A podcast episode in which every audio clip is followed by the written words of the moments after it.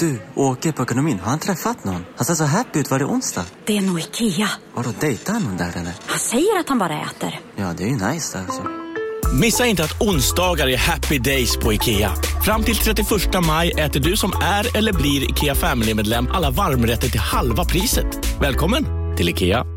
Hej, Susanne Axel här. När du gör som jag och listar dig på en av Krys vårdcentraler får du en fast läkarkontakt som kan din sjukdomshistoria. Du får träffa erfarna specialister, tillgång till lättakuten och så kan du chatta med vårdpersonalen. Så gör ditt viktigaste val idag, lista dig hos Kry. Demideck presenterar Fasadcharader. Dörrklockan. Du ska gå in där. Polis? Effektar? Nej, tennis tror jag. Pingvin. Alltså jag fattar inte att ni inte ser. Va? Nymålat! Men det var många år sedan vi målade. Demideckare målar gärna, men inte så ofta. Sådär. Då hoppas jag att ni hör... Nej, så ska jag inte snurra.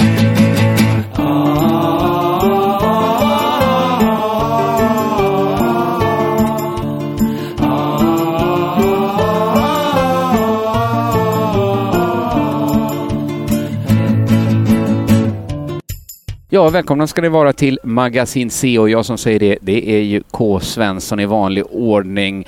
Jag tycker vi kommit igång bra här nu med vår sommarsatsning och jag sitter inte ensam idag utan med mig har jag Karsten Östlund Karpius. Ja, hejsan, trevligt att vara här. Ja, det, jag är väldigt glad att vi äntligen fick, eh, fick till ett möte du och jag. Det, det borde inte varit så svårt men vi har, vi har haft lite svårt att ses. Ja, det är ju mycket som är på gång i, ja, i alla fall i ditt liv. Ja, Eh, men i ditt liv också. Du är ju aktuell med en bok. Ja, en, en liten skrift kan En man liten kalla skrift det. kanske man ska säga. Narrativa stud- Strukturer. strukturer i K. Svenssons Sinfonia-svit. Precis så, precis jag så. slinter på den. Det är, jag, tycker, jag tycker om den titeln. Den är, den är torr och saklig. Precis. Men, men lovar en del i alla fall. Jag ska säga, vi sitter här, vad skulle du kalla det här området i Stockholm? Är detta Skeppsbron? Detta borde ju... Ah, du frågar fel person. Ja. Eh, det, det, vi har båtar omkring oss, det, det är ett uh, hyfsat folkliv. Vi har Södermalm till vänster, höger. Och Ja, vi vi- har Gamla stan i ryggen. Vi har eh, Kastellholmen och eh, Skeppsholmen framför oss va? Precis så. Och Gröna Lund som, som, som öde Som- ligger i, den, i dessa tider som man säger. Ja, det är stängt nu såklart ja. Mm. Just det. Just det. Är, är, är du stockholmare från början? Eh, om, om en uppväxt i Märsta räknas så... eh, Jag tror det räknas till Stockholms... Länet är ju Stockholm, Ja. landskapet Uppland. Eh, så ja, det, det, med vissa reservationer får man väl säga att eh, jag har bott i Stockholmsområdet i hela mitt liv. ja.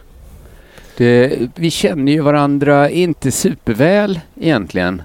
Nej, mer av bekanta och, och, och eh, sporadiska eh, messenger-trådskonversatörer kan vi väl säga. Precis. Jag känner ju framför allt genom en uh, litterär salong som du var med och anordnade. Ja, det var förra sommaren i, i augusti, den, eh, några varma dagar där som, som vi hade och, och eh, Ja, det är ju en väldigt sorg för mig att, för mig blev det ju bara en gång. Och sen så kom liksom verkligheten ifatt mig lite att jag hinner inte vara liksom, man vill komma förberedd på litterär salong.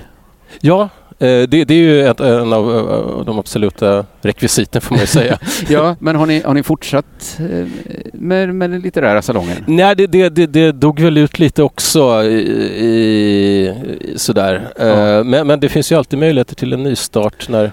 Alltså jag, ingen skulle vara gladare än jag, för det är nästan, jag tycker det är en perfekt både underhållnings och umgängesform. Ja men visst är det det. Du, du har ju både liksom det otvungna och, Ja. och just som du var inne på att man är tvungen att faktiskt du ska ändå prestera någonting. Du ska komma dit med, med ett visst material. Exakt, och det, det är ju, jag gillar ju att sätta mig in i saker och sådär Det gör du också. verkligen. Och, ja, det var väldigt kul det där. Jag minns ju, jag minns stora mängder bosniskt vin. Eh, det var det. Jag hade precis kommit hem från en resa till Sarajevo eh, och, och, och eh, var oerhört nyfiken på det bosniska vinet. ja, ja, ja. Och jag kommer inte riktigt ihåg hur det smakade. Men, Nej, jag men, tror inte heller jag skulle klara ett, ett blindtest, eh, vilket det var riktigt. Men jag minns det som gott och trevligt. Och du höll ett föredrag om eh, Per Gahrtons, eh, vad var det egentligen? Var det en av hans böcker? Du Ja, oh, nu kommer jag ju- nu har ju titeln eh, flytt med, men det, det är han, hans, hans första bok i hans deckarsvit om, ja, två, två böcker då.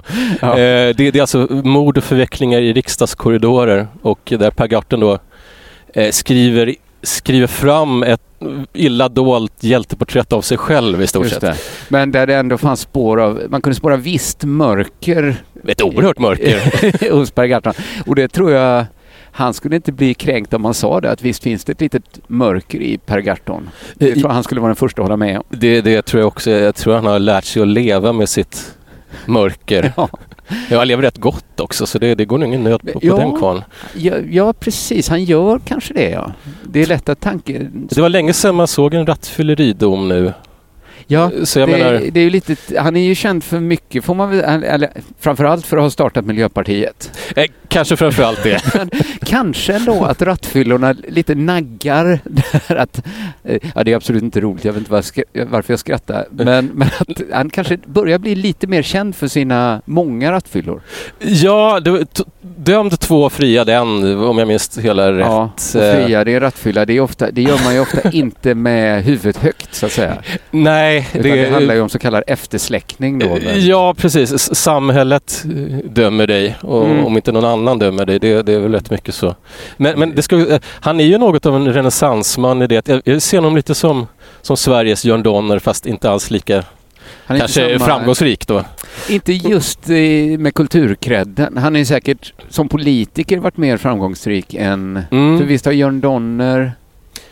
Han har suttit i Europaparlamentet Ja, faktiskt. eh, till och med. Sen, har han väl haft politiskt infly- alltså kulturpolitiskt inflytande då, om än inte som folkvald direkt. Det är kanske inte fult att jämföra de två men tänk att... Per Gahrton och Jörn. Ja, Jag tror Jörn Donner skulle bli argast. ja men han, han kan ju inte replikera nu då så att det, ja, no. Vi ska och inte glömma heller att berätta vad vi har i glasen. Det är inte ens några glas. Vi dricker direkt ur embaret här där vi sitter. Vi dricker eh, Kellerbier från Schwickel i Tyskland. Jag vet inte så mycket mer än om Bayern. Nej, det var bara renlighetslagarna som var från Bayern. Eh, jag vet inte riktigt varifrån eh, Schwickel bryggs. Men Kellerbier tycker jag är en väldigt smaskig öltyp. Jag håller med. Ehm, mycket läckert. Är du, du är lite ölvän väl? Jag kände, jag hade lite sådär, eh, det blev lite byxis när jag skulle välja öl till dagens. Jag, jag hade bestämt, vi kommer dricka öl för vi ska ju gå och käka efteråt. Alldeles här bakom oss. Eh, Så då tänkte jag, då kommer vi säkert dricka öl där. Alltså som franciskan, klassiskt, klassiskt ölhall. Eh, Men, men du är lite ölkillen då väl? Ehm, jag var ölkille fram till jag checkade in min 500 unika ölsort på, på appen Untapped. Okej. Och sen tänkte jag att jag kan ju inte hålla på så här längre. Och Nej. springa runt och aldrig dricka mer än en öl av varje typ eftersom jag Men vill samla. Då tror jag vet lite vad du är för typ av kille. För att du är en sån som eh, alltså just checkar in när du har druckit en öl eller läst en bok. Mm. Jag tänkte vi skulle prata lite mer om det. Men jag tror att, har, att tiden är mogen nu för att släppa in vår samhällsreaktion. Eh, bulvanerna med Mm. fallet Lars Truedsson som tuggar vidare. Det har jag beskrivit som en attack mot Lars Truedsson i akt och mening att sänka honom. Vi får se om de lyckas. De har väl... får se hur det går helt enkelt för våra vänner Bulvanerna. Här är de. I förra veckans avsnitt talade jag om mina erfarenheter från SVT och om den omställning jag upplever att jag fick vara med och uppleva inifrån. Och det tänkte jag fortsätta göra i veckans avsnitt. För att senare komma in på mina erfarenheter från Sveriges Radio och vilka slutsatser man kan dra. Sen ska korten upp på bordet och mulan avtäckas. Fallet Lars Truedsson går vidare. Det skulle fortfarande göras en del program på SVT Malmö. Fast det nya huset inte riktigt var gjort för att göra TV i. Regionala nyhetssändningar givetvis, en hel del barnprogram, Antikrundan och trädgårds-TV med matlagning av olika slag där man var iväg och filmade någon annanstans. Men mycket fick eh, också köpas in och administrerades. Jag såg att Stjärnorna på slottet var en Malmöprodukt. Min chef stod som ansvarig utgivare. Då för att hon hade haft kontakter med produktionsbolaget som givetvis var Stockholmsbaserat. I den öppna matsalen framför det stora fönstret ut mot vattnet kunde en projektor hissas ner. Och där anordnades så kallade skrytluncher. Då bjöd firman på en enklare lunch och sen presenterade man eh, kommande programutbudet med små filmsnuttar ur nämnda produktion. Ibland höll någon ett litet anförande. Eh, ibland eh, gjordes det av någon av cheferna som höll i skrytluncherna. Tanken var då att vi skulle skryta, detta har vi gjort i år. Och det var väldigt uppiggande att se hur mycket bra TV vi trots allt producerade. Men det gick inte att komma ifrån att många av klippen som vi tydligen hade skapat i huset var med människor vi inte hade sett. Beställda av SVT Malmö, producerade någon helt annanstans. Ett klipp med en kvinna som leder ett Robinson för hundar. Varje vecka röstas en hund bort. Vad fan är detta? Ser man att folk tänker. Och vad är det ens för jävla program? Hund-Robinson. Vilka är de här människorna? Det är ett program då som är skapat från våning två på administrativ nivå, chefsnivå. Men även om jag älskade fotbollsspelandet och hade egentligen inget emot skrytluncherna heller så kunde jag ju liksom ändå, fast jag egentligen inte hade någon liksom rimlig nostalgi till det, ändå sakna det gamla TV-huset på Jägersro bara för att allt hade hänt där. Även om riktigt allt hade inte hänt där, för från början låg inte TV-huset på Jägersro. Det kom dit först på 70-talet, men jag tror det kom ändå att forma en generation, liksom, en kultur. Och det var liksom den gamla tiden som uppenbarligen saknades mer på vissa håll än på andra. Den, den gamla tiden hade ju också sina brister. Dels verkar den haft rätt ohälsosam alkoholkultur rent historiskt. Men rent eh, allmänt hade det utvecklats en lite bortskämd kultur.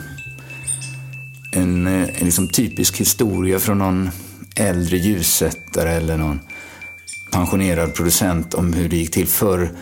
Alltså det här är ju liksom också kanske då en rolig historia, men jag vet inte. Men det kunde handla om att man skulle filma ett inslag i Köpenhamn.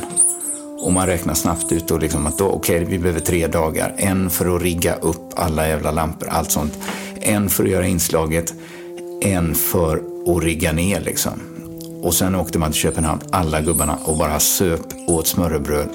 Och så dagen därpå riggade man upp, gjorde inslaget, riggade ner och sen bara söp man och tog ett smörrebröd. Och så dag tre så tog man bara öl och smörrebröd. Då. Och det var liksom tydligt nu då att sötebrödsdagarna var över på flera sätt. Dels då att de berövat sina arbeten till stor del. Dels att det automatiskt kanske då gäller lite andra regler när man går från att inte längre ha monopol ens i sina egna kanaler. Tekniken utvecklas, eh, kvalitetskraven förändras de gånger jag intervjuats av Kulturnyheterna har teamet bara bestått av två människor. Båda gångerna. Kvinnan som ska intervjua mig och en kameraman som också sätter ljus och tar ljud. Det blir liksom inga tre dagar i Köpenhamn av det inslaget. Och vissa yrkesgrupper blev obsoleta, inte för att de kanske inte behövdes, men för att de inte behövdes så mycket. Vissa hade svårare att anpassa sig till den nya, lite mer hetsiga, lite mindre maskade, men också lite mindre noggranna och säkert sämre inspelningarna.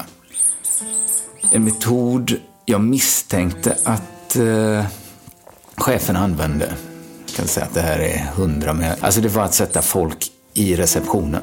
Yrkesstolta människor som redan hade liksom kanske berövat sina förråd, sina livs, alltså arbetets frukt. Nu ville man liksom, eh, alltså det här blir ju spekulativt, men lite bara förmå dem att sluta självmant.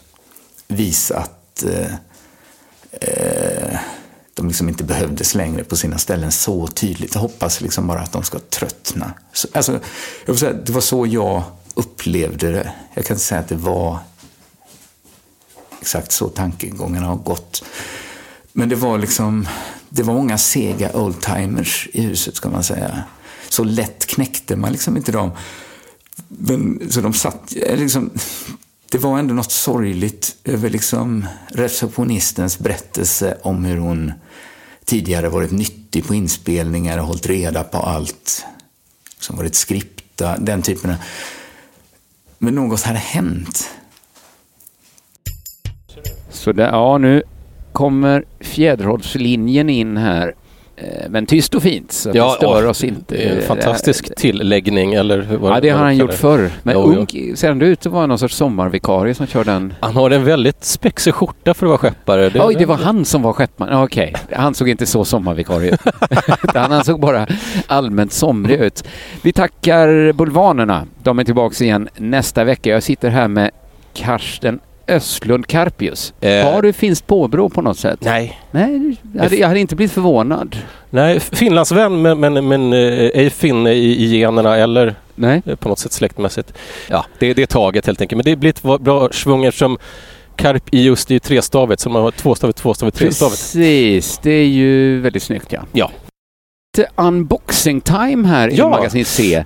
Eh, Du har, ju, har, du, har, du har inte sett din bok? Inte fysisk, jag har inte hållit i den nej. Nej, då ska vi göra så här att vi, vi ska berätta då också att den här boken kan man köpa. Det, det är en ganska slimmad eh, utgåva. Mhm. Ja, Det är lite roligt att förra avsnittet då pratade jag med, med Aron Flams förläggare som även är min förläggare får man väl säga då, som hjälpt till att ge ut Sinfonia 1 till 3. Och nu är det lite, nu sitter skon på andra foten. Nu är ju det är jag som är förläggaren egentligen till den här det är väldigt stora ord att kalla mig det. Ja, men ändå. Det är, till CVt kan även läggas. Kan göra det. Det är ju därför vi ska, vi ska det, det här är, det vi ska uppleva ikväll är ju, ni är bara med på förfesten av vårt releaseparty här på tu hand. Men jag tar upp, här har jag 10 ex av boken så jag tänkte att ska bli dina.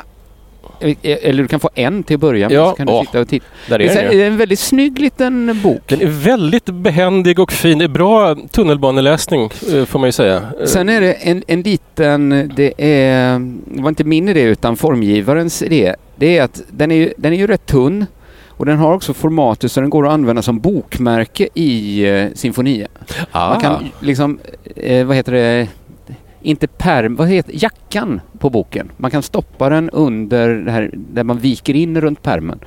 Och så kan man liksom ta fram den ibland om man inte hänger med i de narrativa strukturerna. Nej, eh, precis. Eh, det, det, det är en viss, eh, en viss hjälp. Eh, verkligen. Alltså jag tyckte att, eh, om till och med jag tycker att det var liksom givande och gav eh, liksom upplysande det du skrivit, så, så tror jag andra kan känna samma sak.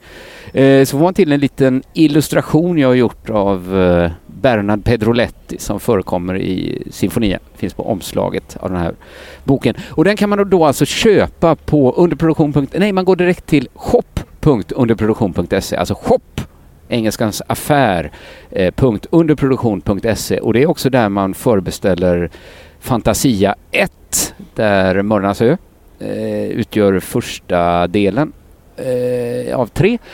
Eh, och man kan också köpa, fortfarande finns det några ex kvar av Sinfonia 1 till 3 då som, som din bok eh, ja, ja, tar ett grepp på helt enkelt. Mm. Har du, är det något du kan säga om den här, eh, vad ska man säga om den här? Jag tyckte ju att, jag är inte litteraturvetare, jag är mer litteraturintresserad. Va? Så jag tyckte det var rätt ro, det, det är ju någon sorts eh, spöklik känsla att läsa om något man själv har skrivit eh, utifrån liksom en litteraturvetares eh, sätt att se på saken. Ja, Det... Om, om, du är bekväm att jag kallar dig litteraturvetare nu här. Men... Jag får, ja, men det, det, det, har jag inget problem med. Det, jag känner mig ändå tillräckligt grundad i det för att ändå kunna ha ja. i alla fall lite att säga om saker ja, men det tycker jag, jag. Jag tyckte den kändes väldigt lärd, din text. Och Tack insiktsfull och... Ja, det, det, det, ursprunget är ju en, en faktiskt en, en, en kurs som jag gick i, inom just litteraturvetenskap eh, förra hösten blir det väl, ja precis. Eh, eh, där vi då skulle skriva om just narrativa strukturer till, till tentamen och, och eh, för en gångs skull ska jag säga inom litteraturvetenskapen så var det fritt val på, på, på text som skulle analyseras. Oftast så är det ju att du får en text som ska, ja, just, just. ska bearbetas. Nu var det helt fritt val och, och eh, som, eh, som stort fan ska jag också inrymma ja, till, till, till Sinfonia-sviten så, så blir det väldigt bekvämt och, och kul att, att skriva om just de böckerna eftersom det är just eh, de narrativa strukturerna som, som, som är väldigt intressanta i det, i det. Det är ju väldigt mycket narrativa strukturer helt enkelt om man vill eh, förkovra sig i det.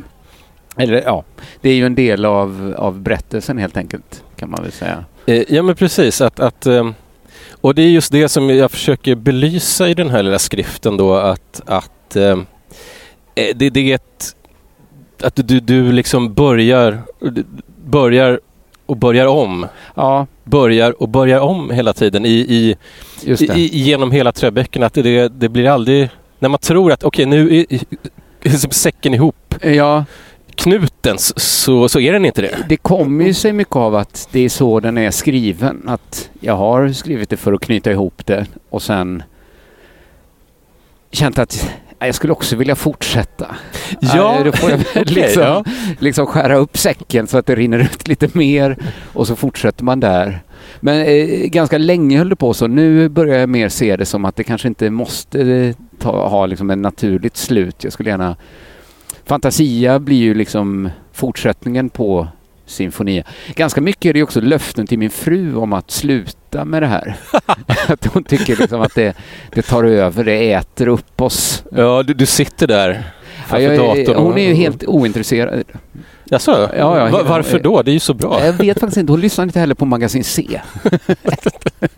så eh, hon läser inte böckerna och lyssnar inte på Magasin Nej, C. Hon lever ju med dig å andra sidan. Det är, det är vad hon säger. Men någon gång tycker jag. Jo, kan det, det, kan ju vara av, av allmän intresse annars att veta vad ens kar pysslar med. Sådär. Man kan tycka, man kan eh. tycka. Men jag ska inte klaga om de många andra Nej. goda sidor. Nej. Det finns en, andra. En annan sak ja. som, som jag tyckte var intressant också. Det, det, det, det, har inte skrivits så mycket om just det här men rent allmänt så är det universums skapande som författare. Ja. Eh, för det, det du gör är ju att du tar ju ett ja, själva det befintliga universum och sen för in saker i det. vårt i alla fall. Mm. Liksom det, ja, precis. Det, man inser att det inte är exakt samma, men det är rätt likt. Det är väldigt igenkännbart. Mm. Jag tycker du skriver väldigt bra om också. I, eh, jag tror du jämför med, med de här, det finns i alla fall två rabläska liksom, måltider som äts. Ja. Eh. Eh, där man liksom det, det, det, finns det här, det är inte omöjligt men det är... Det är inte troligt.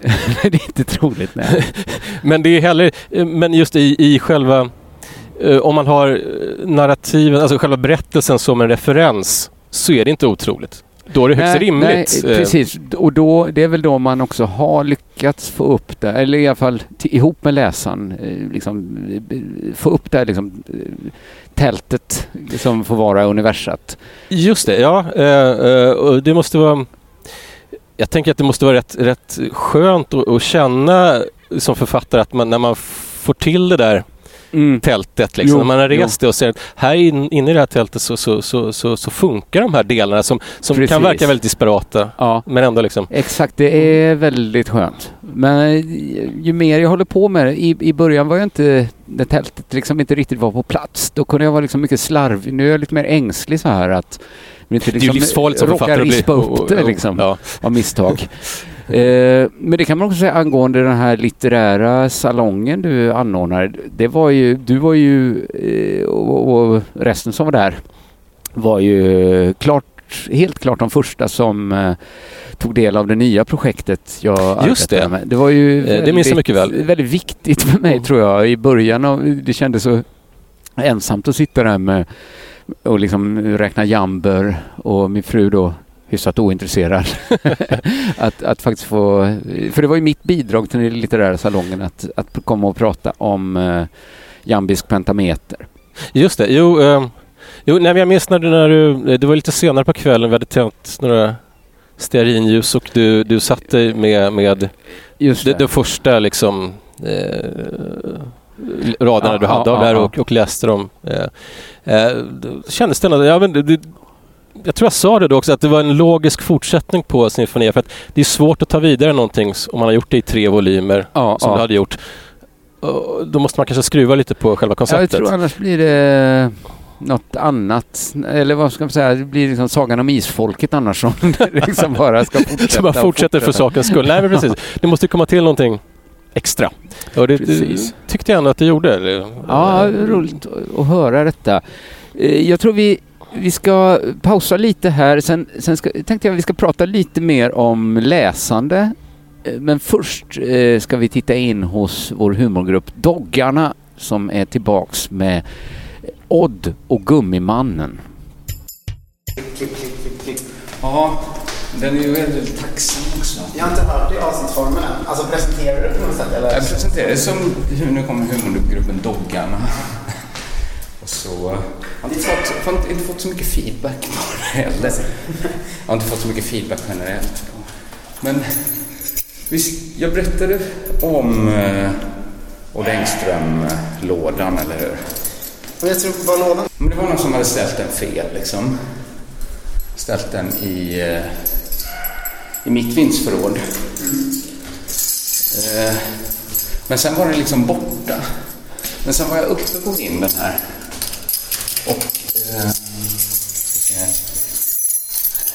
Såg jag den liksom i ett, ett annat vindsförråd.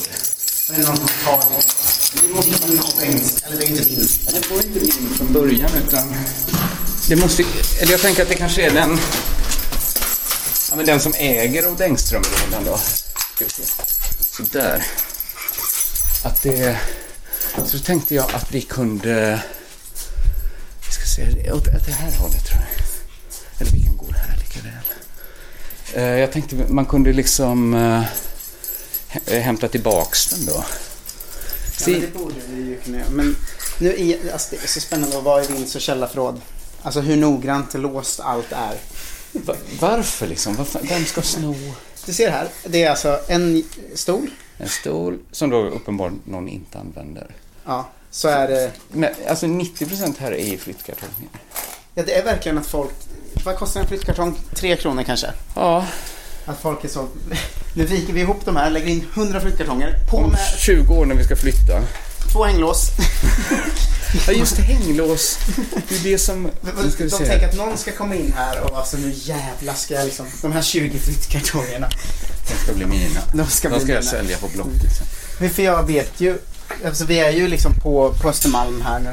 Jag Ja. vet ju att många är ju så här, till, i, mitt, eh, I min uppgång kan man till och med lämna dörren olåst när man går ut och går. Det är ingen fara här. Mm. Men de, ja, de lämnar ju inte sina vindsförråd olåsta. Så de är ju mer måna om liksom flyttkartonger än om hem. Alltså det sjuka är att vi har ganska mycket inbrott här. Ni har det? Ja, Jag vet inte vad de tar. Eller jag tror att de, de gör bara inbrotten. Alltså på vindsförråd. Eller så är det att det är skiten som är kvar här när folk har. Nu ska vi se här. Det var en som hade hänglåst in bara en innebandyklubba tillfälle. Det känner jag behövs inte. Här. Nu ska vi se om man kan... Se om man kan... Det är ju ordentligt hänglåst. Ja, men jag tror nätet är inte så starkt så man skulle kunna... Vänta, om jag har en tång här så ska vi se. Nej, fan.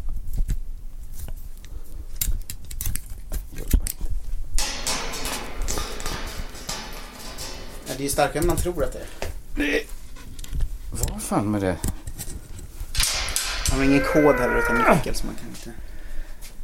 Jag vet inte fan hur man, om man kan klättra in och få ut. Det kan man ju. Det är ju Det skulle det är man en lucka i systemet. Ja, skulle, det är ju faktiskt att det är öppet där. Det är väldigt väl låst men det är en lucka på en meter över som man kan... Där kan man komma upp och då kan vi få tillbaks Odd Engström-lådan.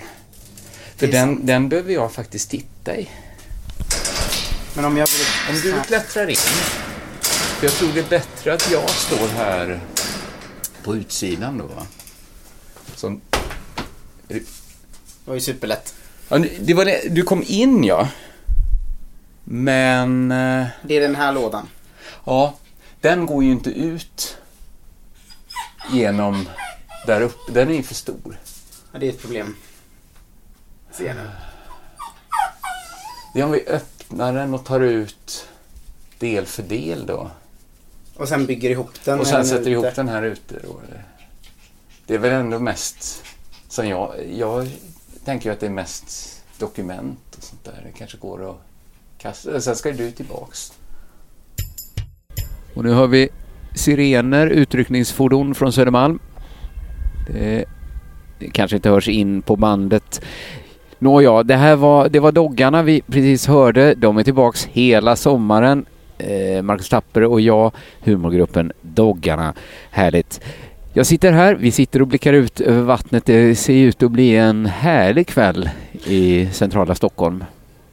Ja. Det känns ändå lite skönt ska det bli och sen gå in i det murriga och jag tror jag ska äta schnitzel eller något sånt här. Murr, någon, något murrigt tror jag det får bli idag. Det passar ju väldigt bra just på, på zoomen. Eh, Ja, enligt egen uppgift de Sveriges har- äldsta krog. Men det, ja. Ja, jag tror det är många Stockholms äldsta som... ska jag säga. Ja, och eh, inte riktigt så gammal som de vill göra gällande Nej, det är nog verkligen inte det. Men ändå jävligt gammal. Mm. Och jag tror inte de har så mycket lätta rätter. Det är fokus på, på döda djur, det, det får man nog säga. jo, det är väl så. Vi pratade lite om det här. Jo då att du checkade in din 500 mikrobryggda öl. Inte bara mikrobryggda. Nej. Eh, Nej, du har generella också- öl, gener-. Generella öl. Mm. Men 500 öl är mycket. 500 individuella öl är Det är väldigt ännu mer. mycket. Hur lång tid tar det att komma upp? Jag kan inte svara på exakt eh, när... Eh, eh, alltså grejet, jag har, jag har ju en, en, en polare som, som eh, ungefär samtidigt som jag checkade in med 500 checkade in sin tusende och kom till, sam, Oj. kom till samma slutsats att nej nu, nu lägger vi ner det här. inte öldrickande. Nej, nej, Vi kan eh, inte skylta med att vi dricker tusen öl. Nej, men det, det, alltså, det, det, det skapar en stress. Det ska alltid vara en ny öl. Man Men- kan också dricka en vanlig öl. Sen vet ju jag, eh, eftersom vi är vänner på Facebook så får jag ju liksom, ja du är en av dem som eh, kommer upp i mitt flöde. Då ser jag ofta eh, liksom på Google, eh, heter det Reads? Reds? Eh, Google Books. det heter Goodreads. Heter. Goodreads Mm. heter det, så heter det. Eh, ja men det kommer upp, eh, jag brukar läsa dem eftersom jag li, litar på ditt omdöme. Eh, Recension av senaste boken du läst. Det brukar Ja. komma ett par i veckan kanske. Ja, om man slår ut det så läser jag nog... Jag läser nog 100 böcker per år. Mm. Sen recenserar jag inte alla, men i alla fall en, en i veckan är det definitivt. Ja. antar, ibland fler, absolut. Har du några andra sådana grejer du liksom gör och sen eh, liksom katalogiserar? Eller liksom, eh, finns det fler sådana här mer än öl och böcker?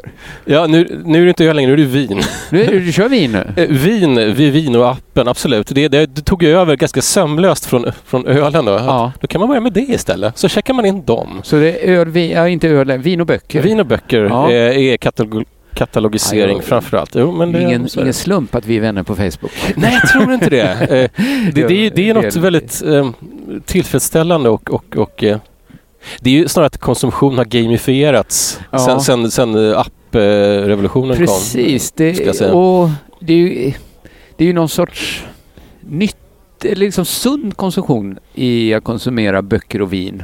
Det tycker jag. Att det inte bara, nej men det, det, det finns ju något annat än bara det rena liksom kicken när man eh, köper det. Utan här är konsumtion lite utsträckt bemärkelse att det handlar också om liksom själva användandet. Mm. Att konsumera en bok är ju faktiskt inte bara att köpa den utan också läsa den. Och, Nej, det, det har jag faktiskt inte tänkt på, men du har ju helt rätt att båda, både vin och böcker är utsträckta i tid som att du läser ju klart en bok ja. och du dricker upp ett glas eller en flaska. Sen är det ju faktiskt slut. Ja, Medans... precis. Klädesplagg, det blir lite... Nej, det är ju en annan sak. Ja, jag tror många, det är väldigt få som bara köper vin och sen blir det liksom aldrig att de använder det riktigt. Det blir bara liggande. Men jag tror det är hyfsat många som köper mycket kläder. Som har liksom samma höga Mm. klädkonsumtion som kanske, det blir inte så här, när använde jag den här toppen senast men aldrig med vin. Sant, sant. Men det jag har tänkt på, det som slagit mig när jag läst dina Goodreads recensioner, det är så här att man talar ibland om läsning som Men jag har ett, ett exempel som är från när jag skulle ge ut... Eh, vi drev en humorsajt som hette Rikets sal som skulle bli bok. Och vi, vi var uppe på förlaget och de frågade vad är målgruppen liksom? Och vi... Bara på Storytel. En natt i maj 1973 blir en kvinna brutalt mördad på en mörk gångväg. Lyssna på första delen i min nya ljudserie. Hennes sista steg av mig, Denise Rubberg. Inspirerad av verkliga händelser. Bara på Storytel.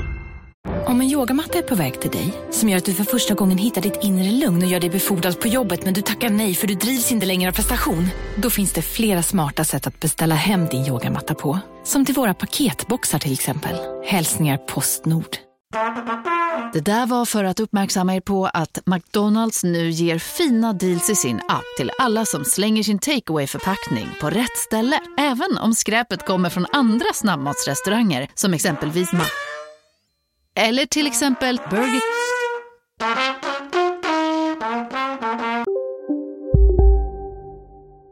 Så ja, men det är väl...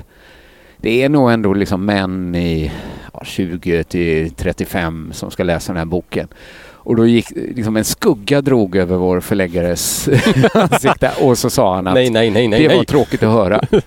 För att de läser inga böcker liksom. Och sen har man fått höra, sen har jag hört det på fler ställen, liksom, män läser inte liksom alla så bäst, liksom pocket shop, det är bara tjejer som går dit och det är bara liksom kulturbärarna är 55-åriga kvinnor och uppåt.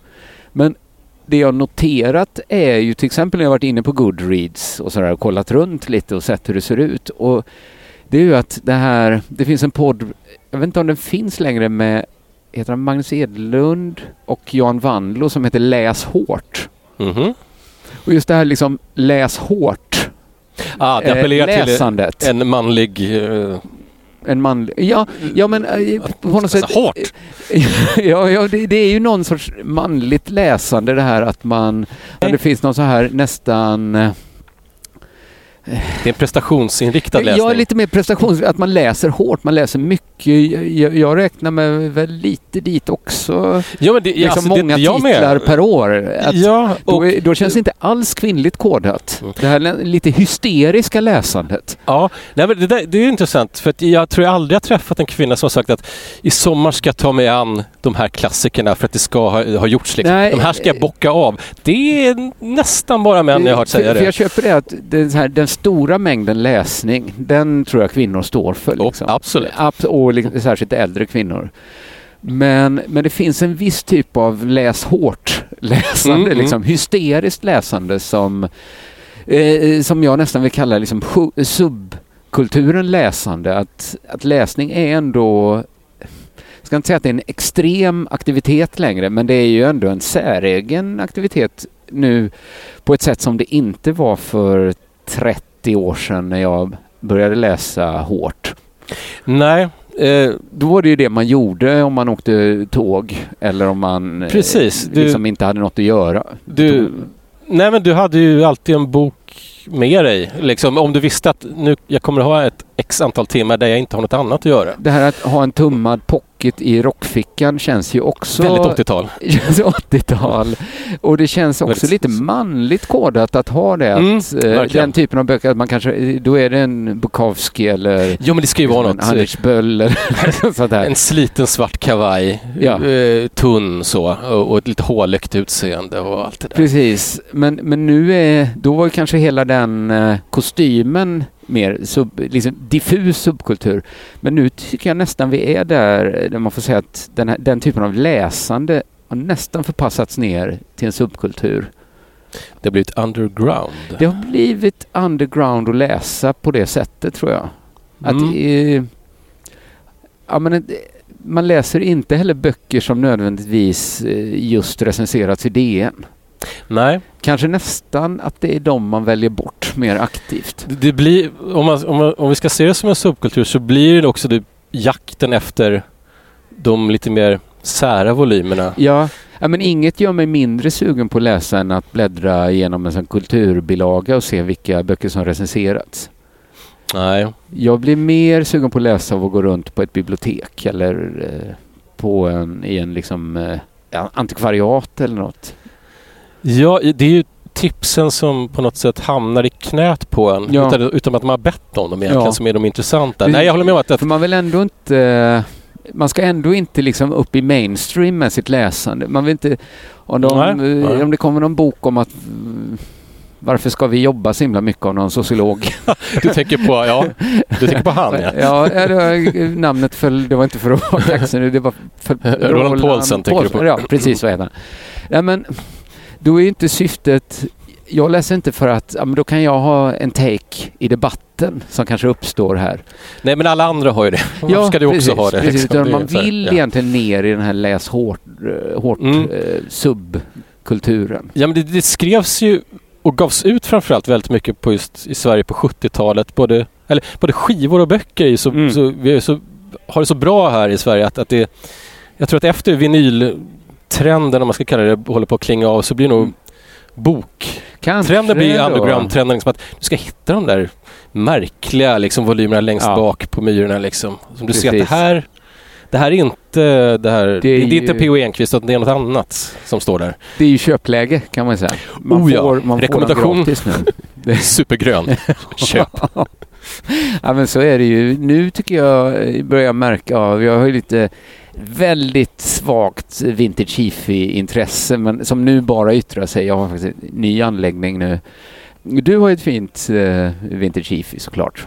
Ja, det, det, det rasade ju tyvärr strax efter du var hemma hos mig förra, Aj, aj, aj, förra. Men nu har jag köpt en, en Marantz 83 Ja, det är snyggt. blänkande stål. Ja. Låter fantastiskt. Ja, det det är är ett stort är steg upp från, från den gamla. Också köpläge. Alltså det är ju nästan fåläge i regel. Ja, Man kan- verkligen så. Men, Det- men där det- börjar det nog ändå, folk börjar inse lite värdet i alla fall av, folk slänger Jo, inte ut sina precis. liksom, monster pioneers hur som helst. Just det, design och, och kvalitet går hand i hand, vilket är Mm. typ 80 till 85 är ju en guldålder liksom överlag. För vintage ja. Mm. ja. Ja, verkligen. Eh, Men böcker kanske ännu mer. Det är ju nästan, ingen blir glad längre av att få en bok. Nej, det är ju en provokation att ta med sig en bok till någon tiden. Precis, det är nya ge bort en krukväxt. Det är bara ett fruktansvärt ansvar. och så anses det också lite fult att slänga böcker. Så att Den som slänger böcker göra med. etc. Ja, eh, så det tycker jag, läs hårt. Ja, men gör jag. det. Häng med Hashtag den läs hårt. Häng med Ska vi på den säga här. så? Ja, det tycker jag. Och ett sätt att göra det, det är ju att gå in, ja, man kan man, man, den här är jag tycker den här kan man läsa, din bok Narrativa strukturer, tycker jag man kan läsa efter man har läst Sinfonia. Du får inte jättemycket ut av den om du inte har tagit igenom Sinfonia. Det, det, det ska ärligt sägas. Nej, jag tycker så att, men båda böckerna går att köpa på samma ställe. Det är shop.underproduktion.se shop.underproduktion.se och det är också där man förbeställer Fantasia 1 då som är den spännande och helt fristående fortsättningen på Symfonia. Eh, vill man följa arbetet med Magasin C så gör man det bäst i den väldigt vilande det, är, det är väldigt sommarstiltje i den låsta Facebookgruppen Kvalle-feeden, Kvalle-feeden. Den har potentialen. Ja, den, vi har jag. samlat på oss mycket medlemmar nu och alla undrar när ska det sätta igång? När börjar det? Men det kan börja när som helst. Så var med från början, gå med nu på, på direkten och så, så följer vi tillsammans och ser vad, vad ska det här landa i? Vad blir det av Magasin C egentligen? Med det vill jag tacka kanske Näslund Carpius för att Tackar, du tackar. var med mig. Nu ska det smaka med lite mat. Gud ja. Vi tackar från eh, den här ljuvliga, om än börjar bli lite kyliga sommarkvällen i Stockholm city.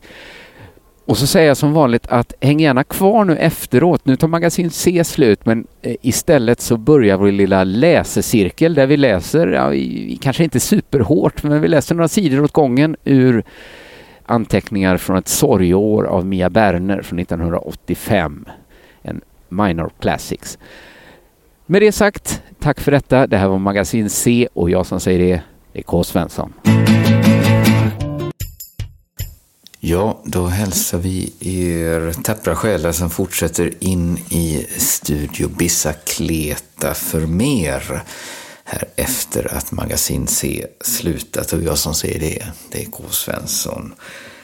Vi läste ju igår, eh, inte igår, förra veckan ur Mia Berners PS anteckningar från ett sorgeår. Och jag satt och ute på en altan i Småland och frös och kände mig faktiskt lite trött och full mot slutet så vi avbröt i läsecirkeln. Men där vi är är att Mia Berner nu har rest för att träffa Pentti Sarikoski. Och där vi kommer in nu så fortsätter hon egentligen bara berätta om vad som händer där när hon är ute ja, hemma hos Pentti Sarikoski. Att det liksom... Det, det, kommer liksom, det kommer folk hem till dem. Jag läser här. En av dem som också kommer inom den här kvällen är den lokale partifunktionären som en Koskenkorva på innerfickan gått hit för att värva Pentti till en tvådagars kongress nu till helgen. Jag förstår att något är galet och börjar ägna mig åt lite hushåll. Mest för att de ska få tala sin finska ostörda. Partimannen skiter ändå i mig. Han är instrumentell och lita på sitt simpla lockmedel. Pentti som eh, inte just har mycket hemma får snart iväg honom med flaskan oöppnad och med ett i det närmsta negativt svar. För jävligt, säger Pentti sen. Komma hit och fria. Det värsta är att eh, kom jag väl dit och fick tala fritt i tio minuter med mina Lenin-citat och allt. Så nog fan ställde de upp. Nej, stalinisterna är starka men inte i majoritet. Fast de har sitt sätt att uttrycka sitt missnöje på, om det skulle vilja sig. Inte kan de så noga veta var jag står i den striden. Lika bra. Som politiker är jag, nej, inte desillusionerad, men lite mer erfaren än många av de andra författarna här i landet. Jag känner deras praxis. De, det drar från köksfönstret. Ytterrutan gick sönder förra veckan. En stor sten. Nej, bland arbetarna står kommunisterna sig bra, säger Pentti. Men lustigt nog bäst bland de mer välbetalda. Kanske inte så paradoxalt förresten. Det är de mest skärpta arbetarna som får de bästa jobben och som kan tänka politiskt. Det är också de som eh, behöver vara minst rädda om sin trygghet. De riktigt små löntagarna sluter upp om sossarna för trygghetens skull. Jo, det är sant som du säger. Vi har dessutom det Erik Allard kallar ödesmarkskommunister. Men bland städernas låglönarbetare är det nog så. Tryggheten är viktigast. Jo, det är riktigt. De gav mig en egen tidning. Här kommer ett finskt ord jag inte kommer klara då. Vi får se här. Det är vad tidningen heter. Aikalainen. Aikalainen, kanske. Jag ska ta lite vatten. Aikalainen. Jag var dess chefs, chefredaktör i fyra år. En riktigt elitistisk kulturtidskrift som skulle locka de unga intellektuella att gå in i partiet. Och nog lyckades det. Allt för bra. Många av de bästa bland studenterna och de yngre författarna blev kommunister. Och jag tryckte Ezra Pound, Fascisten och abstrakta teckningar. Och Bukharin, Bukharin, jag vet inte riktigt än. De första två åren satt jag på redaktionen två timmar om dagen. De sista två eh, sa man åt dem som sökte mig att jag satt på krogen. Och där fann de mig. Nej, säger Pentti med en suck. Det finns flera skäl inom intelligentian att bli kommunist. Ett är att därigenom eh, opponera sig mot den äldre generationen att eh, ta sig ut ur överklassen så som många får göra. Ett annat eh, är ett allmänt att allmänt vara i revolt på psykologiska grunder så att säga. Behovet av sammanhållning och solidaritet som för kyrkan fyllde. Claes Andersson kan säga det mycket om det. Han har sett det bland sina vänner och patienter. För mig var det blodigt allvar med svåra politiska avvägningar. Partiboken har jag kvar. Men det är författare jag är. Får gå den vägen med det jag vill ha sagt. Idag, säger Pentti vid den tredje ölflaskan, ska vi gå ut och röra på oss. Sen komma hem och städa, äta söndagsmiddag. Jo, jo. Eh, Le Bohème je suis var det kanske inte Pentti som hade satt igång väckarklockan igår kväll. Den som började skrälla klockan nio när det var söndag. Han talar vackert om skogen som leder till Arnes gamla gård. Ett av hans tillflyktsställen när det gäller att skriva tio timmar om dagen. Fast på vägen dit ska det vara en öl eller två på krogen. Och dessförinnan blir det mellanspel hos grannar som har fullt med bilar på sin gårdsplan. Bröllop, säger Pentti drömmande. Vi måste gå in. Få oss en whisky, muttrar han ner i halsduken. 50-årsdag, säger jag utan tvekan och så är det. Vi gratulerar fel tant och hon som fyller har en barm som en skonare och är glad att se oss. Författaren gör henne den äran. Runt väggarna sitter tillknycklade söndagsmänniskor som blir än mer förskräckta när Pentti har mage att tala.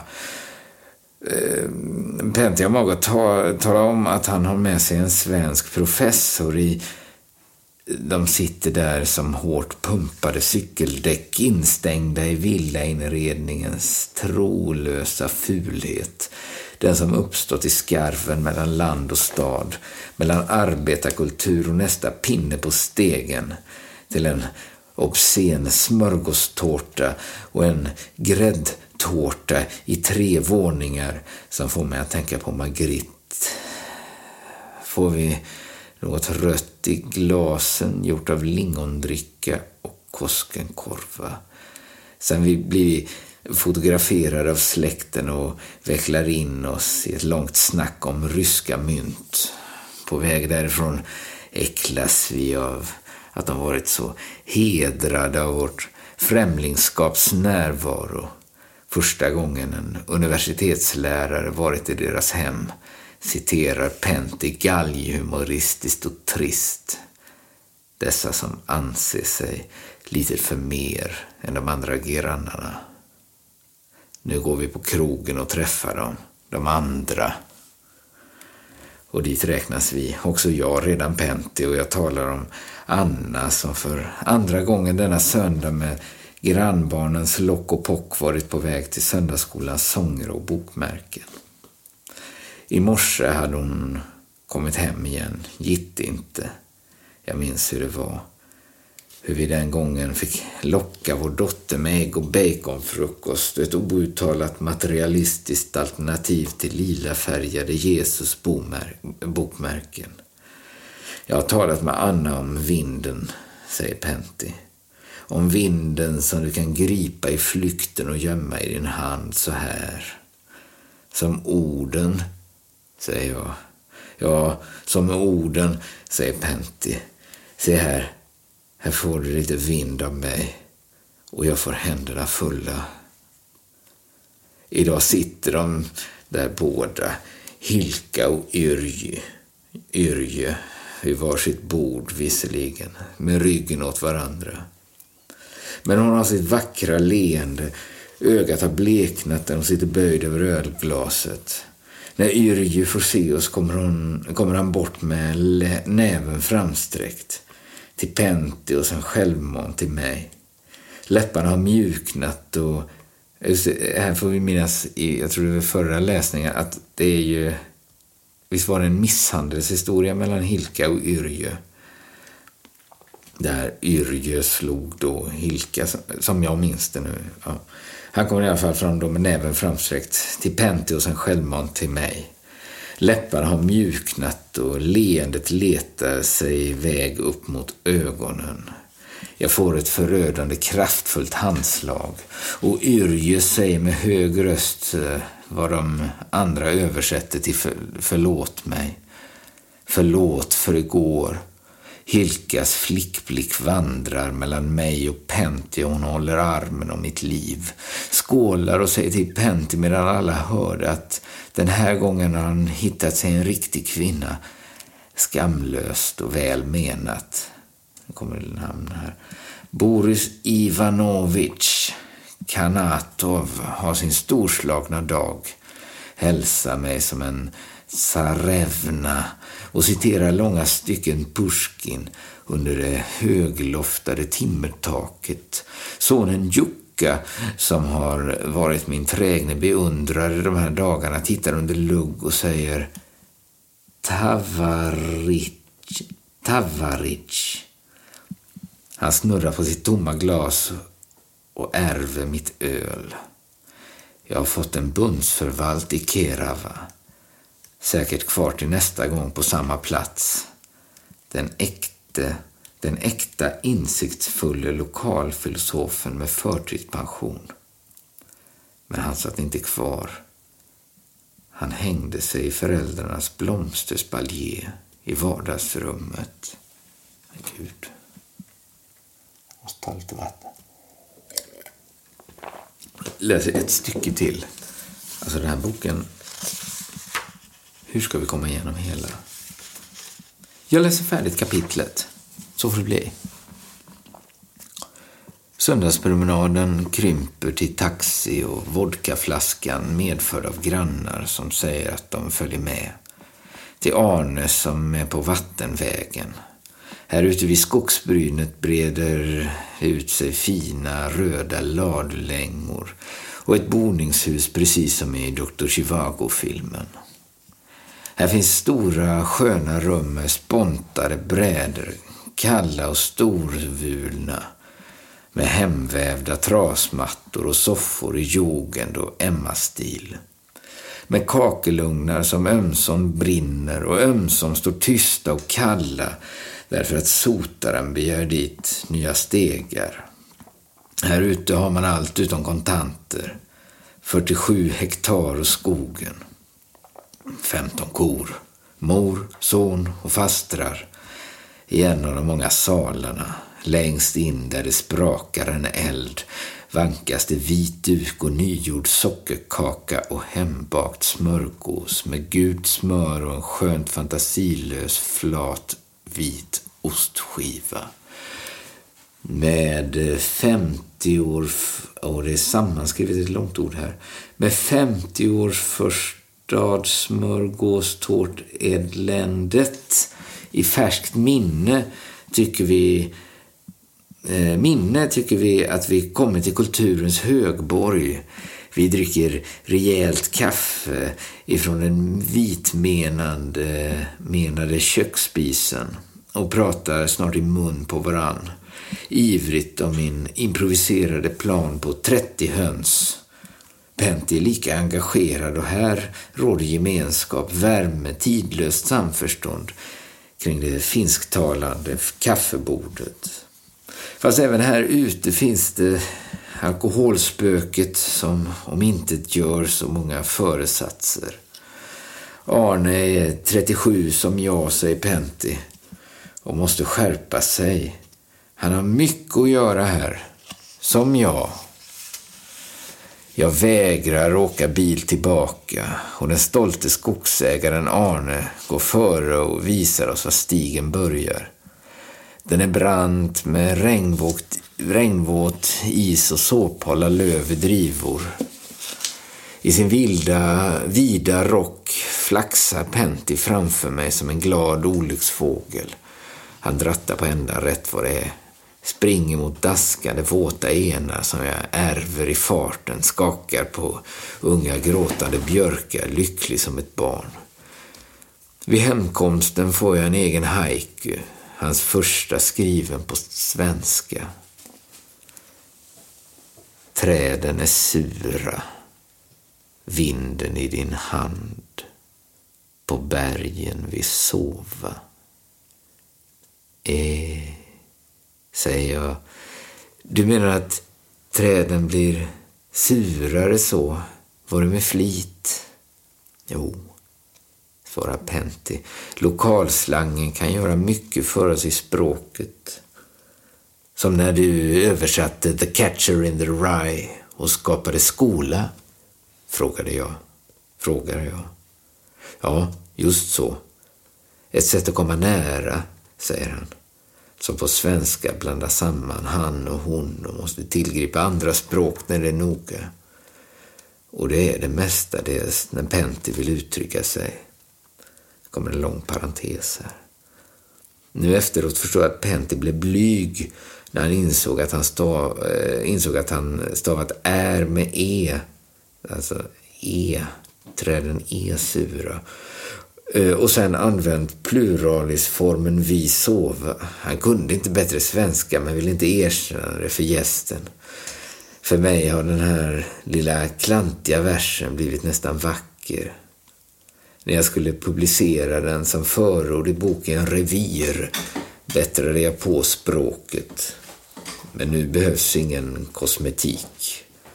Men passivt kan Pentti tillräckligt med svenska för att ha översatt Kilmans eh, Madeleine och dikter av Lars Huldén.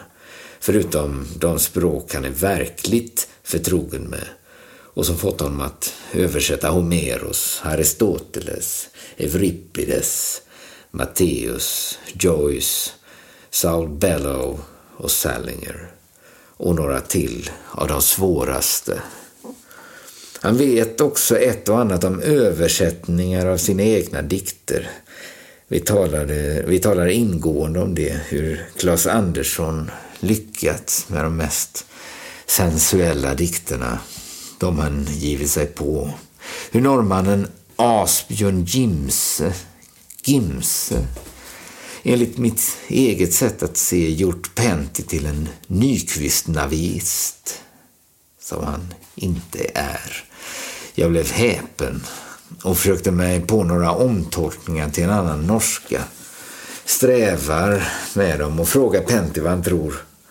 Han tar det noga och återkommer nästa morgon med en fråga om ett ord han inte förstått. Ja, men då är det banne mig bra. Bättre, ja.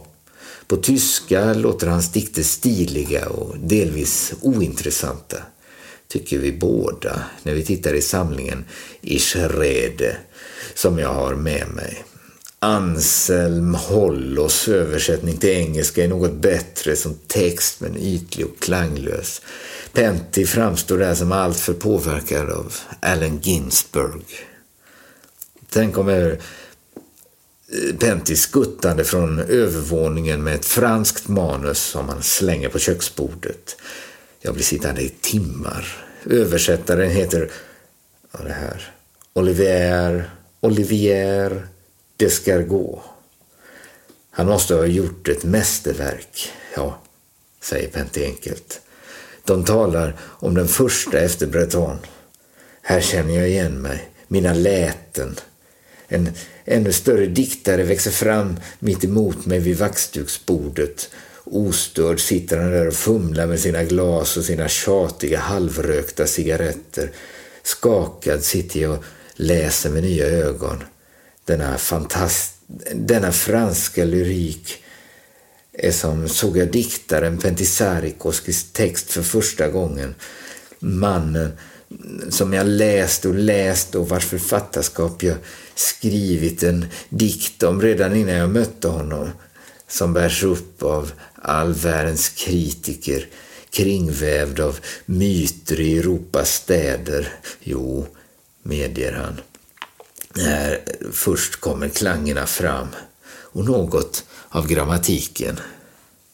Och jag läser. Enda risken med denna samling på franska är att den är så vacker. Descargot kom till Helsingfors och gick och lodade i tre månader i Pentis avlagda krokar. Träffade folk på gatan och talade med hans gamla vänner. Han skrapade tydligen ihop ett varuprov på det virke som Pentti gjort poesi av. Med franskans hjälp fick han det sen att klinga som en modern sonata för stråkar och slagverk. Sen jag läst Pentti på franska begriper jag mycket väl att en finsk jazz- jazzkomponist i New York vill göra låtar till några av dikterna och att Pentti vill ha Asnavor att sjunga dem. Asnavor med sitt självförtroende, ingivande svårmod. Anna är trött och uppspelt på kvällen och Pentti kan på pappors vis inte ta vara på hennes sömniga stunder. Hon lägger förtröstansfullt och fnittrigt på golvet, eh, fötterna i hans knä och det blir cirkus i snurrstolen. De snurrar en godnattsaga som få lyckligt storskrattande som de ungar har med. Kiss och bajs, kuken och fittan, satan, perkele, satans fitta, bajs och perkele om igen i nya turer. Med, ömsin, med ömsinhet... Mm, jag får dricka lite vatten. Förlåt. Med ömsinheten strax inunder skinnet. Som i brev till min hustru när Pentti skriver att han älskar henne mer än lukten av sin egen skit. Som en Ulysses-vändning av en Ulysses-man ensam i Dublin med sin längtan och sitt ginglas. I leken kommer jag med på ett hörn för Anna talar med Pentti om min närvaro. Pentti är ännu barnsligare och säger något ännu klokare och dialogen går vidare som en växelsång. Men Pentti förundrar sig när kontentan i Annas mun blir att det är värre om han är otrogen än om mamma är det.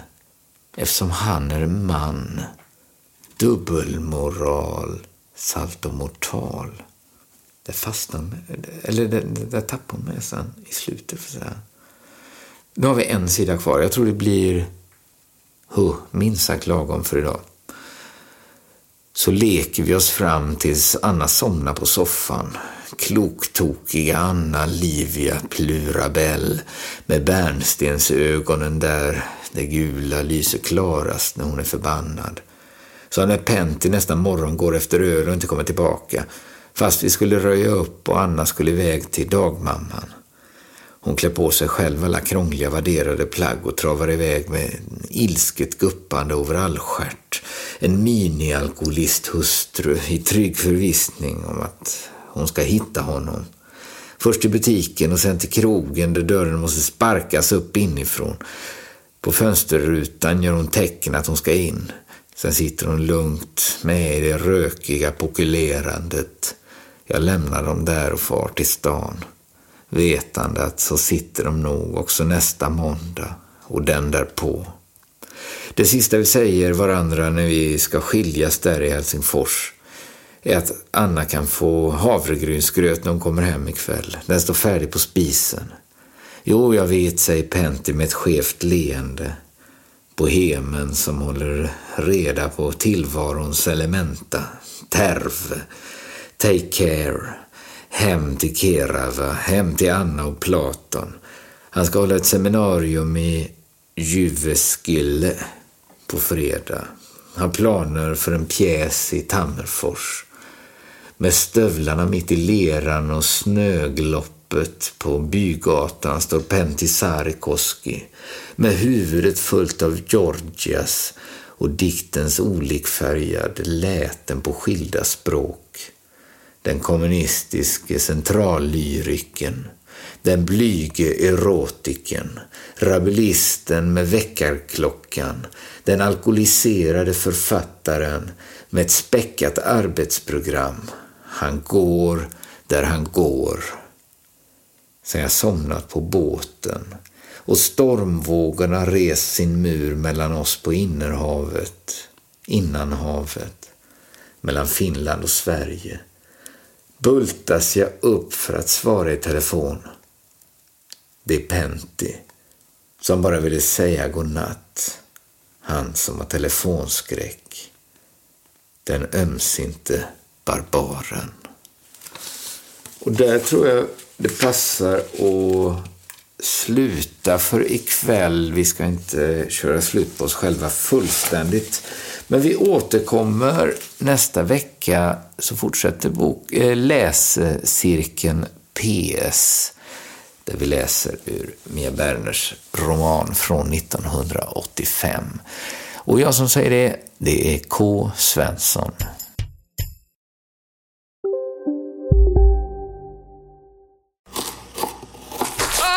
Dåliga vibrationer är att skära av sig tummen i köket.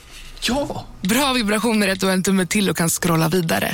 Alla abonnemang för 20 kronor i månaden i fyra månader. Vimla! Mobiloperatören med bra vibrationer. Välkomna sommaren med att... Res med Stena Line i sommar och gör det mesta av din semester. Ta bilen till Danmark, Tyskland, Lettland, Polen och resten av Europa. Se alla våra destinationer och boka nu på stenaline.se. Välkommen ombord! Var du än är och vad du än gör så kan din dag alldeles strax bli lite hetare. För nu är Spicy Chicken McNuggets äntligen tillbaka på McDonalds. En riktigt het comeback för alla som har längtat.